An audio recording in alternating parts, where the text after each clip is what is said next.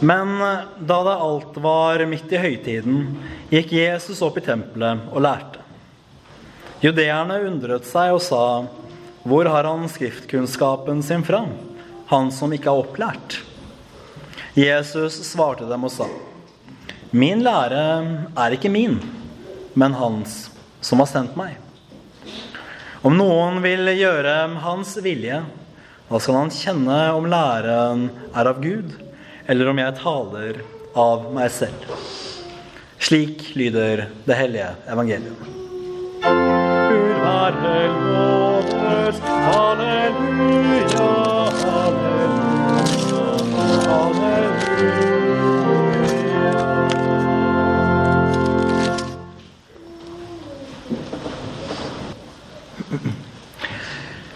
Vi begynne i romerbrevet i dag, faktisk.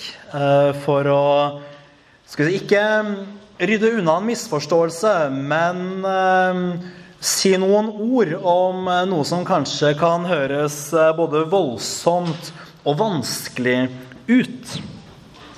For hva er det apostelen Paulus skriver? Jo, det er ikke de som hører loven, men de som gjør etter loven, det er de som gjør etter loven, som skal bli rettferdiggjorte. Og hva er da loven, er det kanskje mange som spør seg her i dag. Loven i all sin enkelhet, det er slik vi kjenner den i de ti bud i Bibelen. De ti bud er oppsummeringen av alt det vi kaller for loven. Og vi må holde alt det loven sier for å bli rettferdiggjort for Gud. Høres ikke det voldsomt ut? Høres ikke det ut som noe som virkelig kan tynge enhver samvittighet? For det Paulus skriver om når han, når han sier at eh, noen gjør riktignok godt uten å kjenne loven det er det samme som at mange gjør vondt, både når de kjenner loven, og når de ikke kjenner loven. Og konfirmanter, som det er mange av her i dag, jeg kommer til å proppe hodene deres fulle tidsnok av alle de ti bud og slike ting, og dere skal til og med få lov til å pugge dem på et tidspunkt. Men hvordan blir vi rettferdiggjorte for Gud? Og er det viktig å bli rettferdiggjorte for Gud? Fordi den som holder hele loven, han er, og vil vi da kunne si, er verdens beste menneske. Fordi hva er loven? Jo, loven det er et uttrykk og oppsummeringen av Guds hellige vilje. Det er nok også det Jesus sikter til. At hele hans lære er av Gud. Alt det Jesus sier, er av Gud. Og også hele loven var av Gud. Hele loven er Guds vilje. Og for å bli rettferdige i Guds øyne, så må vi holde hele hans vilje. Og ja vel, tenker noen kanskje nå, da er det jo bare å te seg godt i det ytre, gjøre alt rett og slike ting. Men er det så enkelt? Nei, fordi Bibelen den forteller oss også at loven den dømmer også hjertene. At loven den ser på alt. Fordi det er en åndelig lov, ikke bare en vanlig lov som vi har her i Norge, men det er Guds hellige lov som vi må følge. Men hvordan skal det gå? Når denne loven ikke bare ser på våre ytre handlinger og gjerninger, men den ser på våre motiver, den ser på våre ønsker, våre drømmer og våre, våre tanker. Denne loven ser på alt. Og For å bli rettferdiggjorte i Guds øyne, for å bli rettferdige i Guds øyne, så må vi holde alt. Hver eneste liten prikk. Opp med hånda, alle som klarer det. Nei, riktignok ikke jeg heller. For Guds lov er hellig, og vi mennesker er syndere. Så hva skal vi gjøre når vi møtes med dette. Fordi lovens krav, de er knallharde. Kan et menneske bli stående og holde hele loven? Er det noen som kan tenke seg i sin villeste fantasi å klare det? Nei, absolutt ikke. Og Det er heller ikke det som er Paulus sitt poeng. fordi Paulus han vet veldig godt at det er ingen som kan klare å holde loven. Men han sier som sant er, at vi blir rettferdige for loven og i Guds øyne når vi holder hele. Men Paulus avslutter etter mitt evangelium ved Jesus Kristus, sier han. Og Det kommer kanskje ikke for noen overraskelse på dere at det er Jesus Kristus som er nøkkelen her. At det er Jesus Kristus som er nøkkelen i det problemet som vi står overfor. For det er ikke de som hører loven, som Paulus skriver, som blir rettferdige, men de som gjør etter loven. Å høre loven det har ingen funksjon når det kommer til frelsen, annet enn å skremme samvittigheten, for den ser at vi ikke holder mål. Men har vi en Gud som ikke elsker oss, og som syns det er fint at hans gode skapning er skremt, og at samvittigheten er tynget? Nei, så absolutt ikke. Vi har heller det motsatte.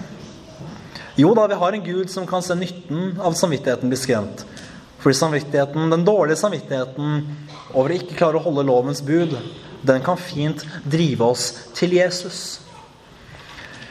Men vi tror på en god og nådig og kjærlig Gud. Ikke en Gud som er ond og ubarmhjertig som skaper oss og sier at ja, hvis dere ikke gjør alt det jeg sier, da er dere syndere. Og så trekker han seg unna og lar oss bare streve for oss selv. Nei, for Gud er kjærlighet. Og vi kan se at Jesus Kristus er et perfekt uttrykk for Guds nåde. For det er ikke de som hører loven, som er rettferdige for Gud. Men dere som hører evangeliet om Jesus Kristus og tror at Kristus i sannhet har tatt på seg våre synder, den er det som er rettferdig for Gud.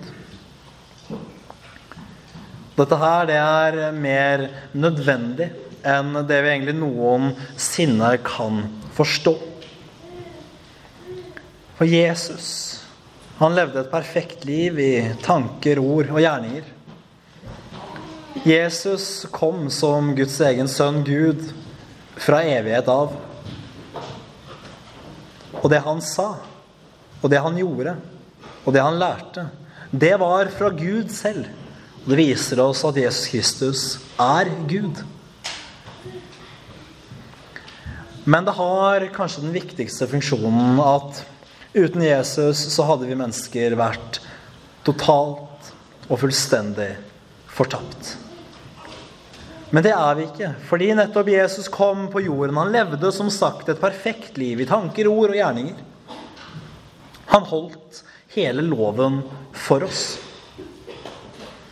Og da tiden var inne, så ble Jesus, den uskyldige, dømt til døden av de urettferdige og av de skyldige. Han ble hengt på korsets tre. Og der sonet han, som det sies, straffen for våre synder. Der ga Jesus sitt liv, slik at vi ikke lenger må holde hele loven for å bli rettferdige i Guds øyne. Men at vi kan tro på Jesus Kristus, vi kan tro på hans offer, og Gud vil se på det. Og slik vil han kjenne oss rettferdige i sine egne øyne. Det betyr ikke at loven ikke lenger er vesentlig for oss kristne. Så absolutt ikke. Loven er viktig på flere måter. Det skal jeg ikke gå inn på nå. Men det viktigste her er evangeliet om Jesus Kristus. Som er den måten vi mennesker kan bli kjent rettferdige på. Vel kunne vi prøvd å holde alle lovens bud. til enhver tid. Men vi hadde blitt slitne, nedbrutte, kanskje utad fromme mennesker. Men vi hadde ikke klart det. Vi er helt, helt avhengige av Jesus. Vi er avhengige av å vende, vende om og gå til Jesus. Fly til evangeliet, for det er kun i evangeliet om Jesus hvor vi har noen som helst form for sjanse for å bli frelst. Og da er det godt å vite at dette evangelium det er tilgjengelig for oss. Det er ikke noe skjult. Det er i utgangspunktet ikke noe vanskelig, selv om vi prester kan ha det med å bruke kompliserte ord en gang iblant. Det er jeg smertelig klar over. Men evangeliet skal Martin Luther ha sagt at det er så enkelt at et lite barn kan forstå det.